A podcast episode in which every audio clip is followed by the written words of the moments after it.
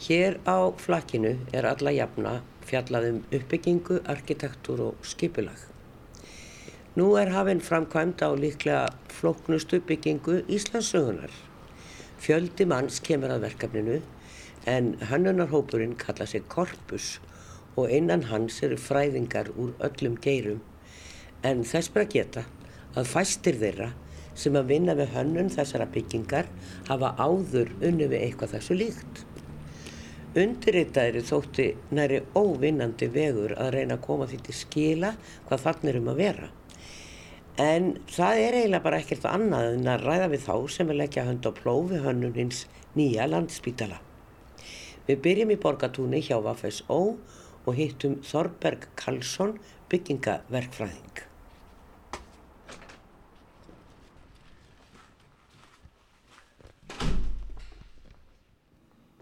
Já, það er bara að byrja og kasta sér út í þetta og eh, reyna að skilja eitthvað hvað, út á hvað þessi spítali gengur.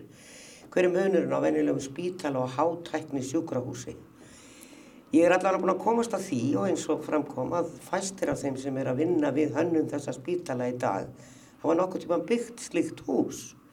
Þannig að það er svolítið forvittnilegt. Velmenta fólka sjálfsögðu og síðan eru náttúrulega erlendir ágjafar sem hafa komið af mörgum erlendum topp sjúkrahúsum. Við erum komin hér í Borgatúnu, ætlum að hitta hér Þorbjörg Karlsson. Hann er eh, byggingaverkfræðingur. Góður hlustandur, það eru 50 ár síðan að við byrjuðum að tala um að það þurfti að byggja stærri spítala bara fyrir framtíðina. Og það er náttúrulega búið að deilum þetta fram og tilbaka og allt það. Við ætlum ekki að eigða tími í það. Við ætlum bara að heyra hvað er verið að gera. Og Þorbjörgur, þú ásamt fleirum, ger ég ráð fyrir, við erum hérna á Vafesó ráðgjöf sem er, er verkfræði fyrirtæki og allavega ráðgjöfum skilst. Þið eruð að sinna þessu með sko týtring, húsi hreyfist þegar fólk gengur um. Það getur komið jærskjálti og við erum alltaf að vera að mæla jærskjálta núna á Reykjanesinu. Mm. Allt þetta áraldi bara sveimi þá. Og það hefur alveg fundist í Reykjavíkur.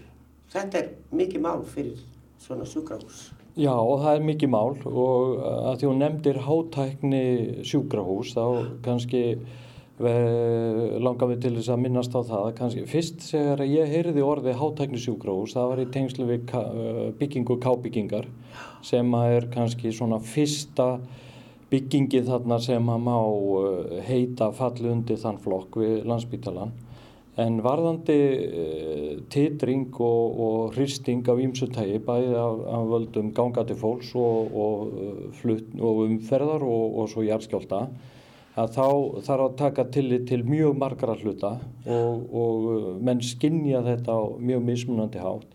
Það er gerðu krafa í, á, á spítalanum að því að þetta er okkar stærsta og mikilvægasta bráðasjúkrahús landsins og verður náttúrulega í gríðarlega miklu hlutverki þegar að e, jarðskjálti dinur yfir á þeirri stærð sem við erum að tala um e, sem svona hönnunarskjálta að þá, þá er verið mikilvægt að þetta sjúkrahús virki.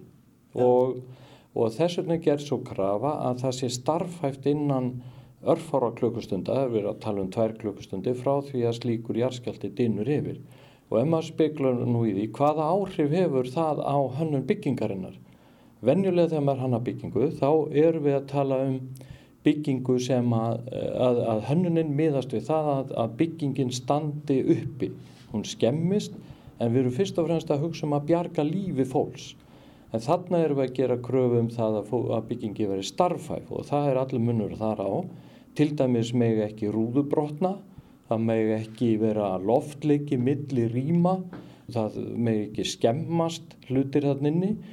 E, þannig að, að og, og maður þarf að tryggja semst að húsi virki strax, strax. eftir strax það er ekki þetta að flytja fólk út úr húsinu. Stumstar er það gert. Þegar við erum að tala um e, meiri jarðskjálta heldur en við erum að fá hérna heima þá, þá hér e, er það alveg til í dæminu að menn koma upp svona bráðlækningum utan spítalans en við vitum alveg hvernig veðráttan hér á Íslandi er og hún er nú ekki alltaf gæfusum við okkur. En, en uh, til dæmis í svona neyðarástafanir í, í Kaliforníu og þar sem við hefum múna á stærri skjaldum að þar gera menn jafnvel ráð fyrir því að, að fara með í slíku neyðatilvikum með lækningarnar út úr húsinu. En þannig erum við að tala um að það verði áfram í húsinu. Það sem er, uh, það sem er kannski erfiðast að eiga við, það er ekki uh, burðarvirki sjálft, heldur allir hlutinni sem er inn í sjúkrahúsi.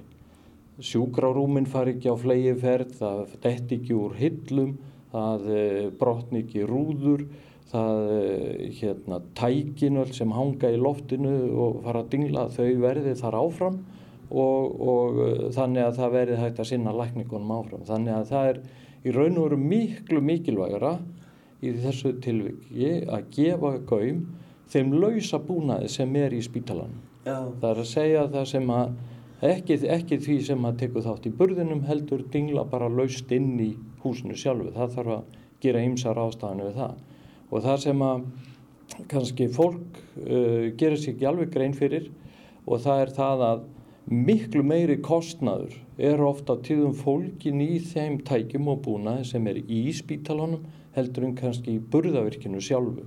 Þannig að það er gríðarlega mikilvægt að, að verja þann búnað allan fyrir í svona uh, skjálta. það er mjög hröð þróun í allri, öllum þessum græjum, ef við getum sagt svo, sem er inn á spítalum og, og þetta verður alltaf hátæknilegra Já. með hverju ári sem líður og hægt að skoða meir og meir. Mm.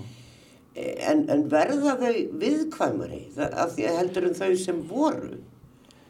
Þau, þau, það, það er nú eiginlega erfitt að svara þessari spurningu en hins vegar getum við sagt að þau verða kannski á ýmsanleiti viðkvæmari fyrir umhverfinu Já, eins og til dæmis uh, því að, að ef einhver uh, stór uh, eins og til dæmis við MRI-tæki þá verða þau fyrir áhrifum á umferð í nágrenni við, uh, við spítalan og það þarf að, að uh, göng, gönggefa það til dæmis að strætisvagnar og aðrir sem að keira rétt við hliðina á byggingunni að þau hafi ekki áhrif á, þessa, á, á þessi tæki, á, á niðurstöðu mælingar með, sem er fengin með þessum tækjum. það, er, við erum að tala um einhvers konar segul í þessum tækjum sem að getur trubla. Já, það er, það er segulsviðið og, og sérstaklega við erum farin að tala um stóra játn hluti á hreyfingu, þá hefur það áhrif á, á tækin. Ég tala nú ekki um ef við fáum eitthvað sem að er þar að auki rafknúið eins og til dæmis léttlestar eða eitthvað svo leiðis, þá er gerð aukin krafa um fjarlæð frá þessara tækja frá þeirri umferða línu. Þannig að það er að mörg að gæta. Já, það er nefnilega búið að tala um sko stræt og einu að ganga þarna bara reynilega beint fyrir ofan sjúkrahúsið fyrir neðan gamla spítalan. Hér rétt hjá mér, Jú. svona sakvæmt því sem ég skoða á tekningum. Og, og það er náttúrulega til sko hæðarauka fyrir þá sem þurfa að sækja eða heimsækja að þá þarf það ekki að vera að koma á engabíl og við erum nú að hvetja fólk til þess að vera ekki að ferðast of mikið á engabíl og ég tala ekki um ef þú ert að fara á spítalan þarna í gömlum hluta bæjarins eða borgarinnar. Að þá því fleiri sem koma með almenningssamgöngum því betra fyrir umferðina sem, á, sem þarf svo mögulega nöðsynlega að komast á spítalan. Þannig að erum við að tala um að við þurfum að breyta einhverju þar af því að það er nú að vera að vinna í borgarlínu líka á nákvæmlega sama tíma. Já, sko borgarlínan uh, kallar á stærri faratæki, reiknaði með og uh, kannski í framtíðinni verði þegar rafknúin tæki, uh, má alveg búast við því. Það er ekki þannig að það sé ómögulegt að, að láta þetta fara saman heldur þurfum við bara að gæta ymsum þáttum eins og fjarlæð, eins og einhverjum uh, vörnum eða einhverju slíku eða möguleg eru og þannig að, að þetta geti farið saman. En það þarf bara að taka tillit til þess þegar að verið er að að hanna bæði mannvirkið og líka að, að leggja sjálfa línuna. Já. Er bara að gæta því ákveðna fjarlæðir séu þarna á milli og þeim sé viðhaldið. Þannig að það er ekki þannig að það þurfa algjörlega að hætta við þessa stoppustöðu fyrir borgarlínu. Nei, nei, nei, það er, það er þarna á meðan hún stendur kjur, ef faratæki stendur kjur, þá hefur það engin áhrif en um leið og að fyrir á stað. Já, já, það fer náttúrulega gerir það, það bara kemur og fer. Já, já, og, og þannig að það hefur áhrif, áhrif á þann hátinn þá meðan það hreyfist. Þetta er bara hlutur sem þarf að taka inn í hönnunna og, og bæði á mannverkinu sjálfu og líka á sjálfri borgarlínunni eða, eða strætisögna línunum. Já. Ekkert ómögulegt að fást við þetta, maður þarf bara að gæta sín verulega vel. Já, nákvæmlega. En e, svo er þetta með, sko, að, að það er náttúrulega mörg þúsund manns að vinna á spítalanum Mm. og allt það fólk er á ferðinni, allir gestir sem koma og fara og sjúklingar og annað, Mm. allt þetta fólk er á ferðinni, þannig að það eru mörg þúsund manns á ferðinni í svona byggingu allan daginn, allan sólaringin, þess vegna. Já og uh, sérstakt álag er er vegna starfsól sem er að koma og fara á ákveðnum tímum en svo er líka verið að gæta ymsu öðru í sambandi við flæði fólks um bygginguna. Það er að, að uh, gæta þess að það séu greiðar og skilmerkilega merta leiðir um uh, húsið fyrir gesti og gangandi og það er líka verið að, að gæta því að, að flæði sé uh, sé uh, augljóst. Það sé þannig að, að það sé ekki óþarfa tafir í því og, og í þessu flæði. Það er verið að greina hvar myndast byðraðir og, og hvar verður uppsöfnum fólks ef að, ef stíft streymi er það er, það er nú þannig að starfsmenni vita alveg hvert þeir eru að fara og, og, og þannig að þeir toppar Uh, ráða engöngu hvað, hversu marga liftur við þurfum og hvað mikið uh, við þurfum af stígahúsum og öðru slíku. En fyrir hinn almenna gest að þá skiptir miklu máli að hann uh, rati að það sé góð rötun um bygginguna, góð, góð skiltun. Og eitt af, eitt af þeim sérfræðingu sem við höfum haft í okkar þjónustu eru, eru sérstakir, hvað maður að segja, sérfræðingar á sviði flæðis um sjúkrahús og þar hefur til dæmis uh, komið vel að við höfum verið með uh, eitt sérfræðing sem er doktor í atferðli maura eða, eða hvernig maura reyfa sig og, og doktor í þeim efnum. Hún hefur tekið uh, mið af þeim fræðum og því, því, því hvernig, hvernig þeir ferðast um og, og, og þróað forrit og, og hugbúnað til þess að uh, simulera eða herma umferð fólks um ymis mannvirki meðal annars spítala. Já, og, og uh, mjög frólægt að, að, hérna, að vinna með henni að þeim hlutum. ég skil það, það þetta er ótrúlega. En, en svo, er, svo, er, svo er það þessi mestu álag á bygginguna eru, eru við vaktaskipti starfsfólks og, og þar eru lifturnar og annars líkt sem að þarf að, ferðinni. já, Já. sem þurfa að, að uppfylla þær gröfur. Já, þetta er, það er greinlega mörg að hyggja og maður hugsa svona bara hvernig ykkur sem er í þessum hópi, þetta er alltaf stór hópur af fólki sem er að hittast og vinna og svo eru allir í hverju sínu hodni og að gera sitt. Já, Eh, Sko, eh, hvernig er að hafa yfir sín hefur svona verkefni? Bara eh, hérna, tilfinningu fyrir þetta að þróast á réttan stað. ég veit nú ekki hvað ég á að segja um það, sko. Nei. Það er hérna, er, þetta er náttúrulega bara flókið að ekki bara þeir sem standað hönnunni. Eh, Það er, það er nú eitt að, að fást við það. það eru, þetta eru fjögur íslensk fyrirtæki sem standa að þessum hóp sem kallar sig Corpus, þrýr hópurinn.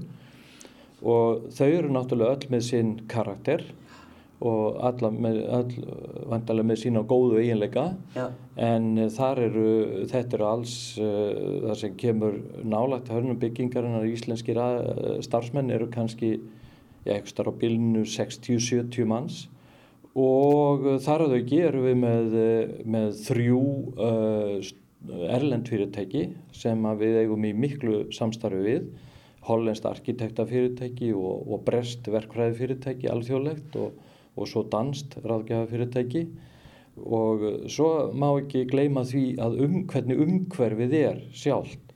Það er að segja verkkaupin okkar er, er nýji landsbítali og HF og síðan kom, kemur mikið og, og þétt samstarf og samráð við notendur spítalans og síðan eru, eru ýmsir ofinberir aðila sem að koma að þessu verki líka eins og Frankvartar Sísland sem svona þjónustu aðili fyrir ríkið.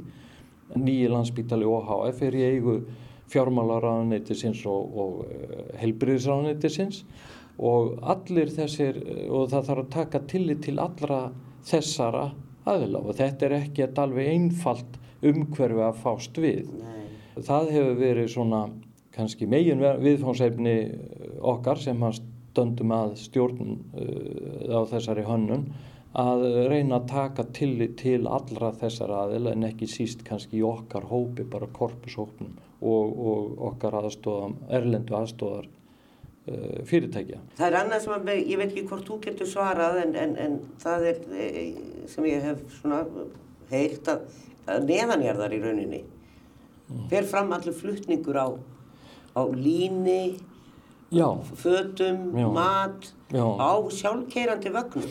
Já, þetta, þetta eru, þetta eru svo kallað, þetta eru sjálfkerandi faratæki sem að sjá um uh, flest allan flutning á, á eins og til dæmis mat uh, um sveðið og síðan er líka annað, annað kerfi sem að kallast sorp og og, sem að, er, sem að getur sagt að blæs bæði líni og sorpi uh, á hérna ymsu staði frá meðferðarkjarnanum sem við erum nú að fást við núna og reyndar fleiri byggingum og, og á ímist uh, á lín uh, miðstöð eða þá á, á sorp miðstöð. Þe- Þeir flutninga fara fram í með sérstöku búnaði sem er sorp og línflutningskerfi.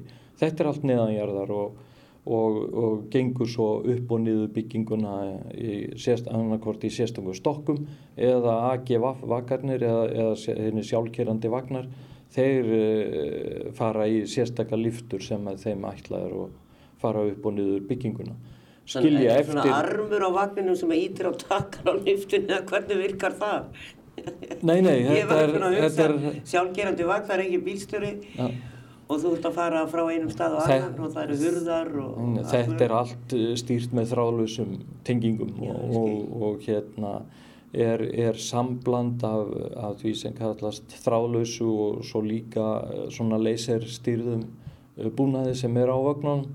Og þetta er, það er nú oft þannig að þessi gangar sem að þessir vagnar kera eftir eru yngöngu ætlaðir fyrir þá en svo eru, er, þarf að taka til, til annarar umferðar sem er eftir þessum göngum og þá komað inn sérstök kerfi sem tengdi leysitækni og þráðlösa kerfinu sem að uh, situr þá á stoppustöðu og, og býða og meðan ykkur fara framhjá og uh, svona. Allt saman stýrt eftir ykkurum tölvu stýrðum búnaði. Já, hérna, þetta er alveg stórmerkilegt. Og kannski svona í lokin, og ég veit ekki alveg Þorbergur hvort að það er á þenni könnu, en maður hefur svona svolítið haft áhyggjur á því að þetta er stærsta framkvæmt Íslandsögunar, getur við sagt, og flóknasta. Já, eitthvað, það er- eitthvað svona flókið verið byggt hér á, á Íslandi. Ég þór ekki að segja það. Nei. Ég held að þetta sé, uh, þetta sé uh, flóknasta uh, þess að maður skuli, vilja fara að metast eitthvað um það, en þá held ég að það sé flóknasta starfseminn sem fari fram í þessu húsi. Og það leiðir af sér að, það, að, að byggingi þarf að taka tillit til mjög margra flókina hluta. Já, Og þetta er ansans ári stór framkvæmt hún er uh, allir meðferðarkjarnin kosti ekki, já hann er ykkur starf, já ég vildi segja 35-40 miljardar eftir hvernig við mæli það með eða án verðisaukaskatt og, og hérna uh, er um 70.000 fermetrar uh, og, set, og það setur þessa byggingu strax í, í flokk stæstu byggingar sem hefur, hafa verið byggðar. Það sem er kannski flókið við þetta er fyrst og fremst starfseminn sem þarna er og, og, og verður til þess að bæta starfsastæðu mjög mikilvægra uh, stjetta hér á, á, í landinu og hérna, bæta þjónustu við eh, landsmenn gríðarlega. það þekkja nú margir hlustendur uh, orðið bremvottun, eða breamvottun, brímvottun, Já. þetta er svona borðið fram á. Mhm. Þetta þýðir að um, byggingin á að vera umhverfisvæn og hún þarf að fy- uppfylla ákveðin skilirði Já. til þess að fá þessa vottun. Já, Uh, nú hef ég heilt að það er sem meiningin að byggja eftir þessari vottun. já. Byggingin á að fá þessa vottun uh, og hún, á, hún er, uh, hún, það er að, svona mörg mismöndi stig þeirra vottuna sem maður getur farið inn og þetta er þessi bygging á að uppfylla svona með hæstu uh, stigum þessara, þessara vottunarkerfis uh, og, og það nær, uh, þessi vottun nær alveg frá uh, fyrstu hugmyndum sem uh, lagðar eru að mannvirkinu alveg í gegnum alla frum og forhönnun og hönnunastíð og ekki síst framkvæmdinn sjálf síðan notkunna. Þannig að þetta er frá, frá hugmynd til og með framkvæmd uh, byggingarinnar. Og það er farið eftir ákveðnu ferli og, og það, er, það eru alltaf mismunandi aðilar sem kom að þessu en, en, en svo hefur verkkaupin mjög miklu hlutverki að gegna í því að ná þessari bregðan vottun alveg eins og hönnuðurnir og, og framkvæmda aðilin sem að, að þessu koma. Þetta er nú í, í mörgu tilöki er þetta eins konar samaburðar vottun Eh, það sem er kannski erfitt við þessa byggingu er just að það er engin samaburður uh, á Íslandi Nei. við þessa byggingu en, en, uh, en það er nú kannski aðri aðri aðlir betri til þess að fjalla um þetta heldur en ég. En heldur þetta sé ekki starsta verkefni sem að þú ætti að fást við um hæfina? Ég er nú eiginlega komin að, að því að, að, að á, það, á það stað þar sem að fyrir að huga starfslokum að maður getur nú talið. Það eru Það eru nokkur verkefni sem að mér finnst eh, vera gaman að fástu. Þetta er, þetta er trúlega stæsta verkefni sem ég fengist við. Eh, ég var líka við breytingar á flugstöðunni á sínu tíma. Það var mjög snúið, kannski vegna þess hversu flóki það var að, að framkvæma eh, verkþættina þar en, eh, en það, það var góður og, og mikill lærdómur að fást við það og, og nýtist manni vel í þessari, í þessari byggingu. Hérna, eitt af því sem við erum að, að eh, fást við í þessari byggingu er hérna titringur af e, sem þetta bara golfa og, og þess að það eru áhrif þeirra bæði á, á sjúklinga sem að líka í sínu rúmi og svo líka ímsan tækjabúnað sem er í, í byggingunni, viðkvæmu tækjabúnaðar og það er margir orði vari við það þegar þeir byggja, er að lappa um í, í stórum veslunumistöðum eða annað í öðrum byggingum. Að þegar þeir ganga um á, á, á, í ykkur vissu takti eftir gólfinu þá finna þeir svona fyrir því að, að gólfi sveiplast með. Og það er óskum beðilegt, það er ekkert að gerast í runni en, eh, en það fá sumir svona ónóta tilfinningu við þetta. En í spítalanum er gerðan mjög strangar uh, kröfur um þetta, óvenju háar og, og þetta er eitt af þeim starri viðfáðsefnu sem við erum að fástu og hefur verulega áhrif á gerð, golfa og, og, og það í byggingunni og þetta er mælt út frá því þegar að manneskja gengur uh, svona þokkalega ört Eh, eftir, eftir gangi byggingarinnar að þá hafi það ekki uh, áhrif á sjúklingar sem líka kannski í nærlegjandi herbergjum. Og, og svo er það er einn ein kosturinn sem er skoðar, annar kostur sem er að það er ef að tvær menneskjur er að íta á undan sér uh, rúmi eða á sambarilegum hlut. Og það er svona þessa, þessi tvö tilvík sem við erum að skoða með tilliti til titrings og þetta ræður alveg um þygt á gólplötum og ymsur ástöðunum öðru sem þessu. Klæðningu á gólfinu? Já, meira, meira um þygt að klæðningun og gólfi er kannski til þess að dempa ákveðnar hluti en, en, en fyrst og fremst er titringurinn, hann er svona meir og minna til eh, komin vegna, eða bara vegna reyfinga í sjálfur plötunni sem er steiftu plötunni.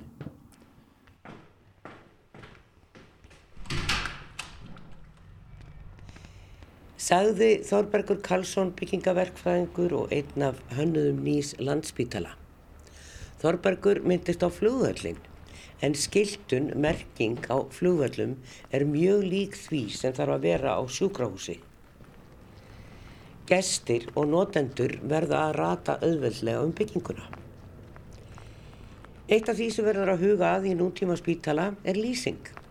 Við erum vön flúorljósum og ljósgrænum veggjum svona þegar maður hugsaður um sjúkrahús. En nú er annað upp á teiningnum og við höldum á Tómasarhagan vestur í bæ.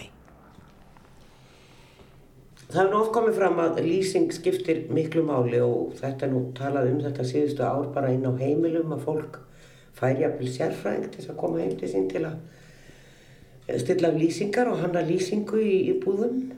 hvað þá inn á sjúkrahúsi og það er bara sannað á rannsóknum að réttlýsing og rétt byrta, hún hjálpar upp á betrun. Fólk verður frískara og batnar fyrr ef að lýsingin er í lægi. Ásta Lóðardóttir er eina mörgum sem koma að þessu, hún vinnir hjá fyrirtækinu Lótu og það eru margir hjá því fyrirtæki sem er að vinna bæði af öryggismálum og rámagni og öllu því en við ætlum svona kannski að halda okkur aðeins við ljósin eða lýsinguna það, það kom náttúrulega mörgum á óvart kannski að það, hvað þetta hefur mikla þýðingu að vera í réttri lýsingu þegar þú ert á spítala að vera ekki með einhverja flúorlampa og ljósgræna veggi sko, þetta verður einhvern veginn svona, svona ískallt og þá er einhvern veginn verið að lýsa kannski fyrir meira fyrir starfsmannin heldur en sjúklingin þú að starfsmæðurinn sjáu til Já. hvað leggir þið upp með þarna? Þarna erum við mitt eins og þú segir að kröfunar eru bara fyrir starfsmannin. Það er í byggingaröglugar, þar eru gerða kröfur til lýsingar fyrir starfsemina í spítalanum en það er ekki settar kröfur til sjúklinga eða aðstandenda en við byrjum ekki þar sem er tver. Við byrjum á að spá í hverjir eru notendurnir og hverjir eru þar, þarfir notendana. Þannig að við í rauninni flokkum notendur upp í þrjá hópa og, og, og skoðum svona nánar, þú veist eins og fyrir starfsfólkið. Það er þá afkvöstin sem þau þurfa stunda skila á Já. og hvernig getum við hjálpað þeim bæði með að hafa góða vinnilýsingu en einnig bara til að líða vel í byggingunni og svo erum við núna að vinna með dægurseflu lýsingu fyrir starfsfólk til þess að, að hjálpa vakta fólki sérstaklega að, að fá betri svefn. Já, þetta getur haft áhrif á það. Því að það er það sem að kannski er erfiðast fyrir uh, fólk sem starfar á spítunum, hjókunarfólk og aðra að uh, það er þetta að vera lengi í vaktavinu, það getur bara hreinlega í lagt heilsuna. Já, nákvæmlega og það er krabbamein og aðrir sjúkdumar sem hafa verið tengdir sérstaklega við, við vaktavinnu. Þannig að við erum að reyna að, hjálpa til við þetta og, og með því að, bæta söfnin og þá erum við að nota ljósið til þess að hjálpa fólki að komast í ró þegar vakt líkur.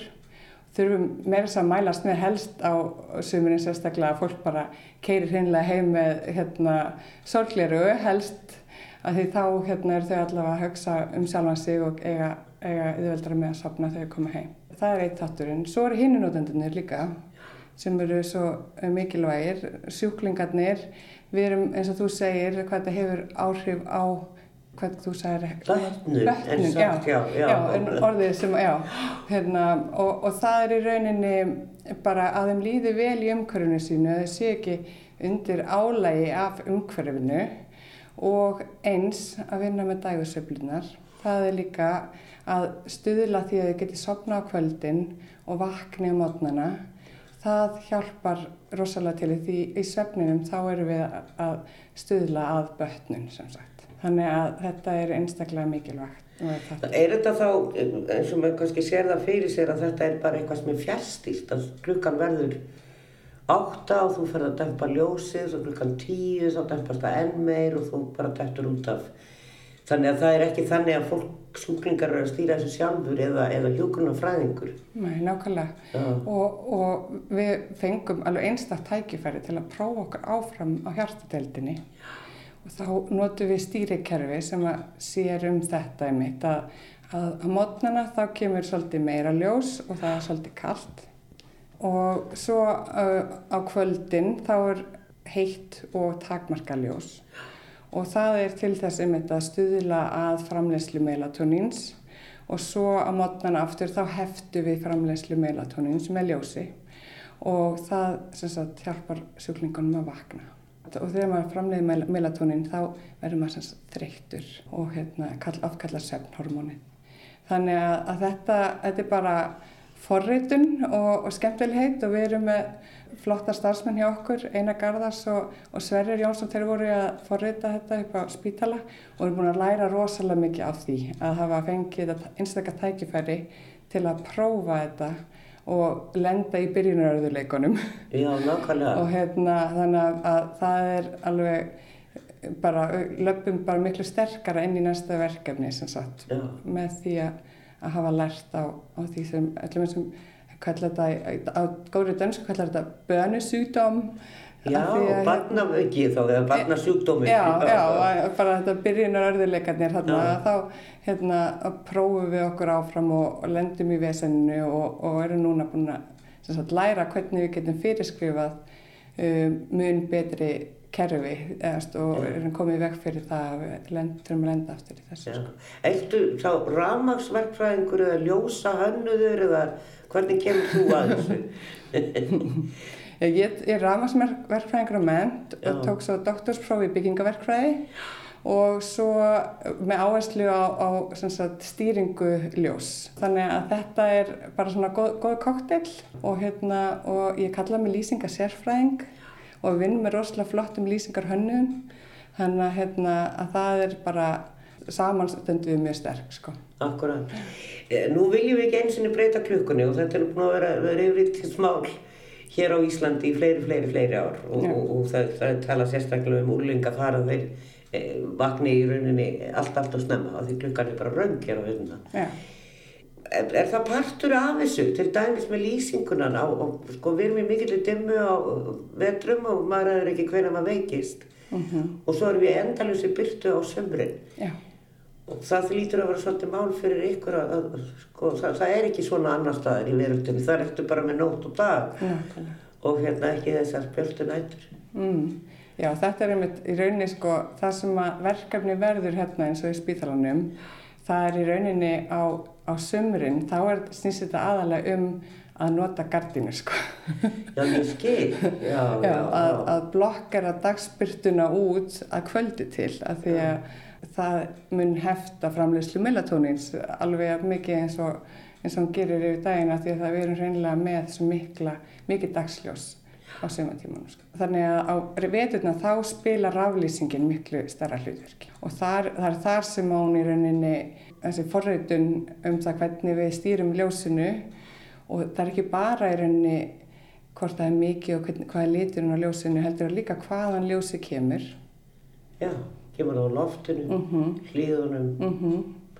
og, og það er í rauninni það sem að skipti málið þegar við erum að vinna með dægurseflutnar þá á það að koma að ofan og frá einn stórum flet og hægt er. Þannig að það er eins og bara eins og himinin þegar við erum út að Já, að, hérna, að fá sagt, mikið ljós að ofan vel dreifðu að ofan það er það sem er, hefur mest áhrif sem við sínt fram á Þannig að það er líka eitthvað sem við erum að vinna með í, í spítalan. Það er mitt bara, við erum ekki alltaf að skoða bara innbyggt ljós inn í loft sem að, hérna, að því það getur dreifingin ekki verið hendugt til að vinna með Nei, sagt. það stýraði líka. Dagspyrta, þú sagði mér áður um við hófum þetta samtala að, að þetta eru náttúrulega svo stórar byggingar, þetta eru fjórar stórar byggingar og meðferðarkjarnin líklega stærsta húsi þar. Mhm. sem að við sjáum þessa risastóru hólu sem er neðan við gamla spítalan og nær alveg út að lögasvegi næstu því eða gamli, eða barnaspítalanum allavega. Og sko það er náttúrulega dagspyrta er eitthvað sem er, og, og hlýtur að vera langt þægilegt, við þú ert eiginlega að búa það til og það er ekki nógu mikið dagspyrta í þessari byggingu kemur ekki nógu mikið náttúrulegt ljós inn í bygginguna Nei, það gerir það ekki, sérstaklega ekki á neðri hæðum. Myndum alltaf vilja hafa meira dags, dagsljós. Það er bara, það er bara rannsóknir sína það að það er það sem við viljum hafa í byggingunum okkar. Og það er verið að sína fram á þetta hafi áhrif á skap og, og stress og velliðan almennt. Um, en það sem að, að gerist þarna er, að, er hennilega út af skipulæginu að það er eins og þú segir stórar byggingar ná- nálægt hver annari og svo erum við með gífulega mikið byggingamagn á þessum, uh, þessum reit.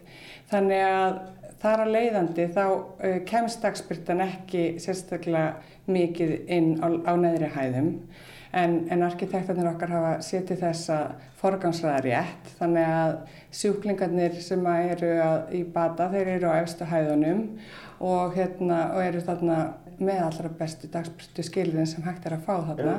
Og m- með sumir hverju með æðisleg skilirði sko algjörlega.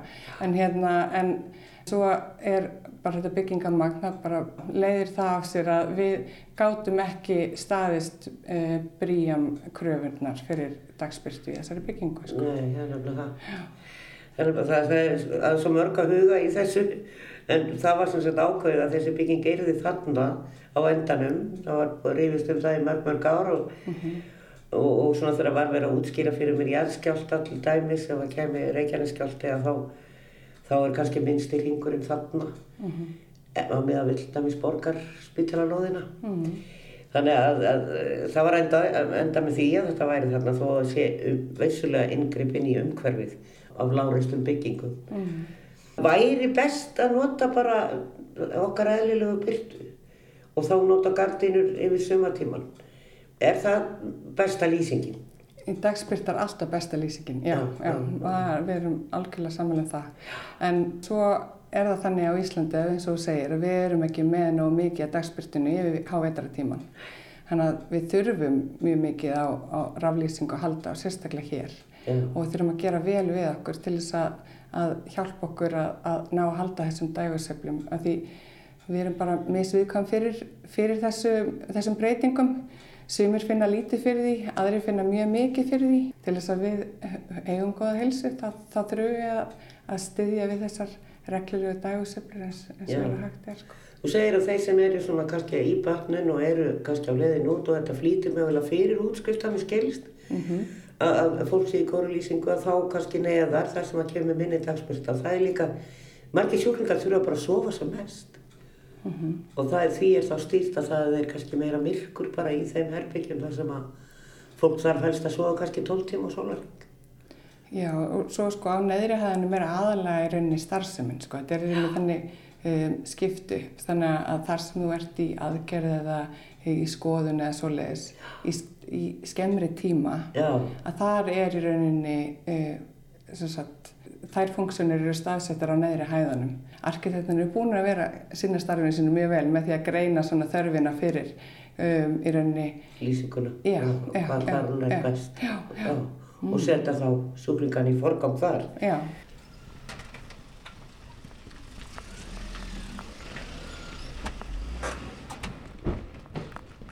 Við hvaðjum ástu loðadóttur sérfræðingi lýsingamálum nýs landspítala. Við eigum eina heimsókn eftir í dag. Við heimsækjum Ragnhildi Skarpjæðinsdóttur, landslagsarkitekt hjá Hortsteinu. En gróður kuð hafa mikil og góð áhrif á börnun súklinga, samkvæmt rannsóknum síðustu ára. Já það er svo þessa dagana, það er, eh, fólk situr ekki á sínum vinnustöðum og ekki hægt að draga fólk hvert sem er því að við þurfum að halda tvekkjametrarreglu, við þurfum að sinna þessu öllu saman og maður hugsa nú oft að því er nú að fjallum hennar spítala, hennar nýja landspítala að mikil ósköp væri nú gott að það væri búið að byggja í þessu ástandi sem við erum í. Áherslur í heilbríðismálum hafa breystar öll gífurlega undanfærin ár og, og það er búið að byggja sjúkrahús út í heimi sem að fylgja þessari nýju stefnu. Og nú erum við í fyrsta sinna byggja kannski, já, svona stórt hátækni sjúkrahús. Þessi heilbreyði stefna hefur verið höfða leiðaljósi á nokkrum nýjum hjókunarheimilum á landinu. En eh, við erum hérna hjá henni Ragnhildi Skarpjænsdóttur, hún er eh, landslagsarkitekt og þau sískininn ámundur og hún eru bæði að vinna við nýja landsbítala. Já, landslagsarkitekt hugsa fólk þá hvað á hún að gera þar, er það lóðin? Nei, við ætlum ekki að fara að tala um lóðina, við ætlum einmitt að fara að tala um það sem að verður inni á spítalanum. Því að eitt af því sem er í þessari nýju heilbreyðstefnu er að hafa gróður í kringum fólk og það flýtir börnun, alveg svo lýsingin sem við vorum að tala um áðan. Og við sittum hérna á smáraköttinni heima hjá henni og uh, ég veit ekki alveg hvernig maður á að sjá þetta fyrir sér að því þetta er ekkert endilega gardar sem að líka flatir eins og veru venðum. Þetta getur líka verið láréttir gardar. Exakt. Jú. Sko nú eru við sem þess að þú segir réttilega í, í, í miðju stóri flóði sem heitir eitt stykki meðfyrrakjarni og, og ætlum að koma flóðbylgjunni frá landi og skipin í höfn og hlut af þessu eru náttúrulega að, að eins og segja réttilega að það eru náttúrulega orðna gríðarlega breytingar á umhverfi fólks og, og sjúklingar sem að liggja inn á þessum heilsustofnunum og, og það marg sann að segja að jákvægt umhverfi, græðandi umhverfi hefur mjög miklar, hefur mikil áhrif að bata líkur fólksins.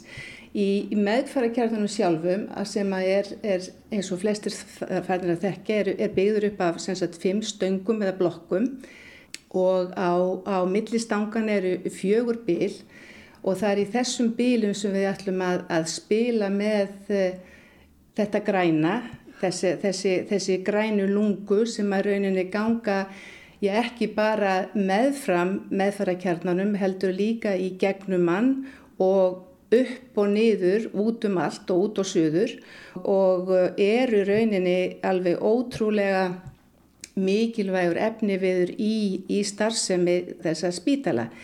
Þessi staðsetni garðana eru náttúrulega hérna eh, afar, afar eru, eru og samsetna þeirra vísuli eru afal fjölbreytt og stærði þeirra mismunandi eftir hvar þeir liggja. Eh, sumir eru opnir, aðrir eru hálflokaðir en aðrir eru, eru lokaðir en þeir eru allir náttúrulega afskaplega mikilvægir hlutir að þessu græðandi umhverfi spítalans og allstaða sést út yfir, undir eða, eða í gegnum þessar sem við kallum bara grænu vin eða þessi grænu lunga. Ef ég má kannski aðeins segja svona frá svona, svona hvar þeir eru helst staðsettir, það má ég lega segja að þeir séu svona, það eru svona þrýr flokka þeirra, það eru svona kallar ljóskarðar sem eru fjórir og þeir liggja í, í, á milli tveggja hæða, legodildana sem eru raun upp á 5. og 7. hæð. Já, mamma getur, getur sagt að þessi er svona ákveðna svona ljósrennur sem, a, sem að tegja sig upp í miðjunni og, og, og rauninni sam nefna sig himni og, himni og jörðu. Og uh, þessi gardar eru, þeir eru samsettir úr kannski svona þremur efnum, það, það er náttúrulega gróðurinn nr. 1, 2 og 3, lýsingin sem er náttúrulega afar mikilvæg og svo hugsanlega þrýða elementinu sem er ekki síður og það er rauninni vassflötur. Þeir gefa náttúrulega ótrúlega og síbreytilega svona árstíða blæ og bæði í hvernig gróðurinn tekur á sig mismunandi lítasamsetningu, hvernig ljósinn breytir sér, kannski tekur í sér stjörnur og norðurljós og, og, og sólina og, og svo speglunni í vassflitinum og þau gefa frá því þessa vonandi þessa ómældu orku minna ekkit kannski ósviðbar eins og, eins og uppaflega var, voru sengararni í japansku á sínum tíma.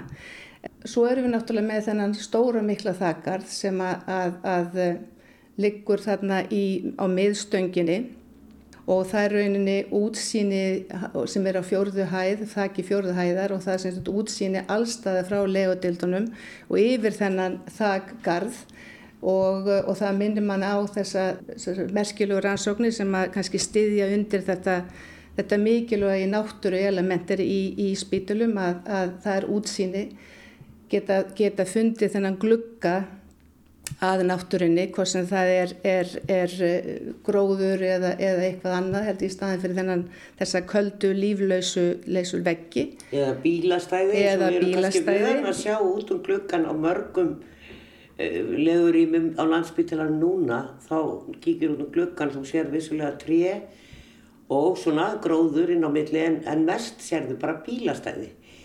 Þarna er verið að hugsa eitthvað annað. Ég hef skoðað eftir því garð í, í, í félagstofnum stúdenta, í stúdentakjallaranum og fólk getur skoðað hann virkilega fallegur garður þar.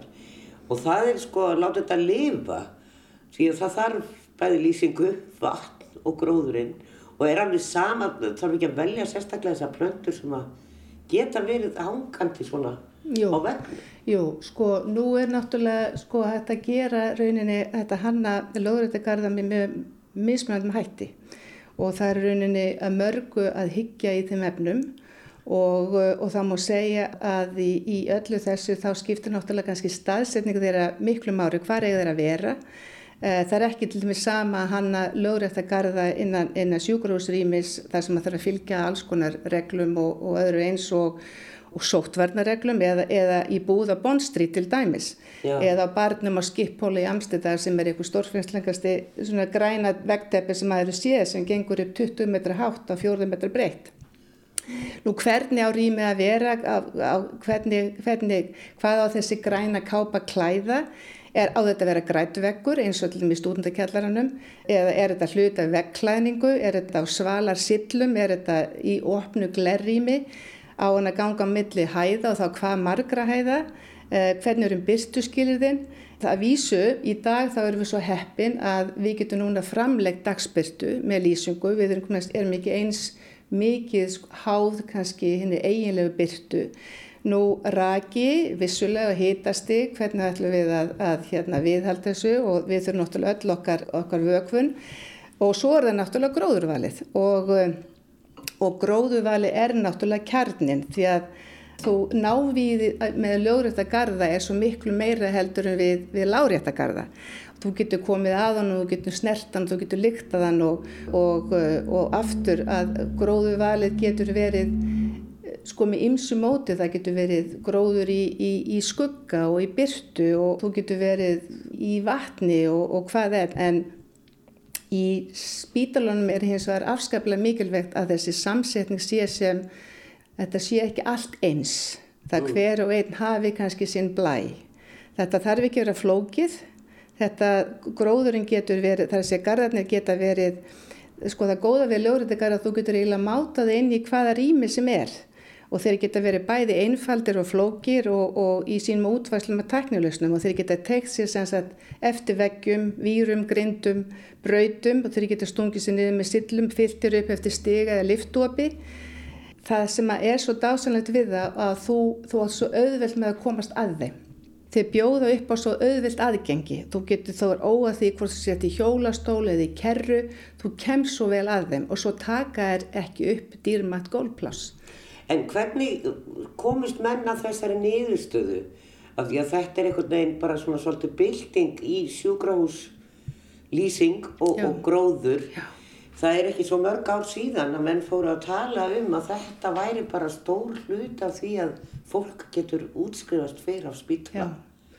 Þetta er bara staðrind, það er bara púra staðrind og það er náttúrulega sem að kannski ítir þess á stað eru, það eru, það eru kannski tvær stórmerkar rannsóknir sem voru gerðar á síðar og luta síðustu aldar og kannski svo frægast þeirra af, af uh, Rósinóknur Ulrich sem að sagði einfallega það að, og gerði rannsóknir og síndi fram á það að, að útsýni að gróður, náttúra einfallega jafnaði einhvern veginn líkamlega enginni þannig að það, það dróður kvíða og nei, fækkaði neikvæðum hugsunum blóðþrýstingur er læknaði og, og bara einhvern veginn að það rauninni, það fyldi á tankin öll þessi skil, skilningar við sem við höfum, hvort sem það er líktarskinn eða snertiskinn eða þess vegna heyrðnarskinn og, og upp úr því þá fór þetta gerast eiginlega ógnar, svona ógnar hraða og, og þar eru kannski náttúrulega eins og oft eru amerikanir náttúrulega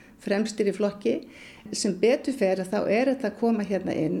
Og eins og ég sagði áðan þetta þarf ekki að vera, þetta þarf ekki að vera flókið, það getur bara verið þú veist eins og litli græni vekkurinn í stúndakjaldunum sem er ekki nema 16 fermetrar, mikið rosalega gerir hann mikið. Hann gerir mjög mikið fyrir, fyrir þennan stað, þennan matsölustad og, og svona samveru staði stúdenda. Já, hann gerir það. Gerir virkilega, allt annað andrúslást það er nákvæmlega sem er og, og þeir gera náttúrulega sko þessi, þessir garðar þessi, þessi lóðruti garðar þessi þeir gera þeir náttúrulega bæta loftgæðið og, og það er ekki síst vegna þess að þeir tegja sér svo hátt og þá verður bara súrefnist intakan allt öðruvísi. Þeir bæta hljóðvistana líka, þeir, þeir taka upp náttúrulega, eins og ég sagði áðan, þeir eru mjög raunin að hafkvæm laust í, í sambandi við hvað þeir taka upp lítið plás og svo eru þau náttúrulega ótrúlega augna endi, þeir mýkja þessa byggingar, þeir, þeir bara, þeir endur næra og þeir endur lífga og þeir, þeir draga úr þessu, þessu streitu skíni, við þurfum ekki bara að horfa hérna út og glukka hér á smáragötunni, út í gróðurinn þar, hvað, hvað allt verður svona, við náum einhverju jafnfægi þó síkjum við bara í einhvern smá tíma, en kannski næra þessi nákvæmlega þessi smá tími. Kannski svona í lokin af því að sko þetta, þetta er náttúrulega ekkert að verða umveruleika alveg núna á morgun, þetta er kannski eftir fjögum-fimm ár þá ætti þessi spítal að vera komin og allt þar í kring. Það eru fleiri hús sem við höfum eftir að ræðum stærðarinn að bílastæðahús og rannsóknarhús og hús áskólans og Þannig að það er ekki bara þessi meðferðarkjarni. En þetta er það sem þið eru að vinna með og það liggur mest á þessu. Eru þið, þið sem eru að hanna þetta, eru þið hrættum að þegar peningavaldi kemur og segir hérna við verðum að byrja að spara, hvað verður sparað eða hversu hörðu ætlaði að vera á því? Það verður bara ekkert sparað í þetta. Ég held að, að, að við, við munum ekki fórna þessu. Þetta er allt og mikilvægt sem, sem bara hluti af lækningamættunum og eins og, og margir segja, þeir segja það að nú sé einfallega bara að náttúra þýðir heilsa. Það er ekkert flokknar í það og merferðarkernin hann verður græn bygging með græna lausnir, með græn lungu, hann verður græðandi umhverfi og ef við höfum það ekki þá er hann ekki neitt neitt. Sagði Ragnhildur Skarpíðinsdóttir, landslagsarkitekt í Korpus Hópnum, sem hannar nýja landsbytjara. Við segjum þetta gott í dag en höldum áfram í næsta þætti ef allt gengur óskum. Að fjalla um þessa líklega flóknustu byggingu sem byggð hefur verið hér á landi. Verðið sæl.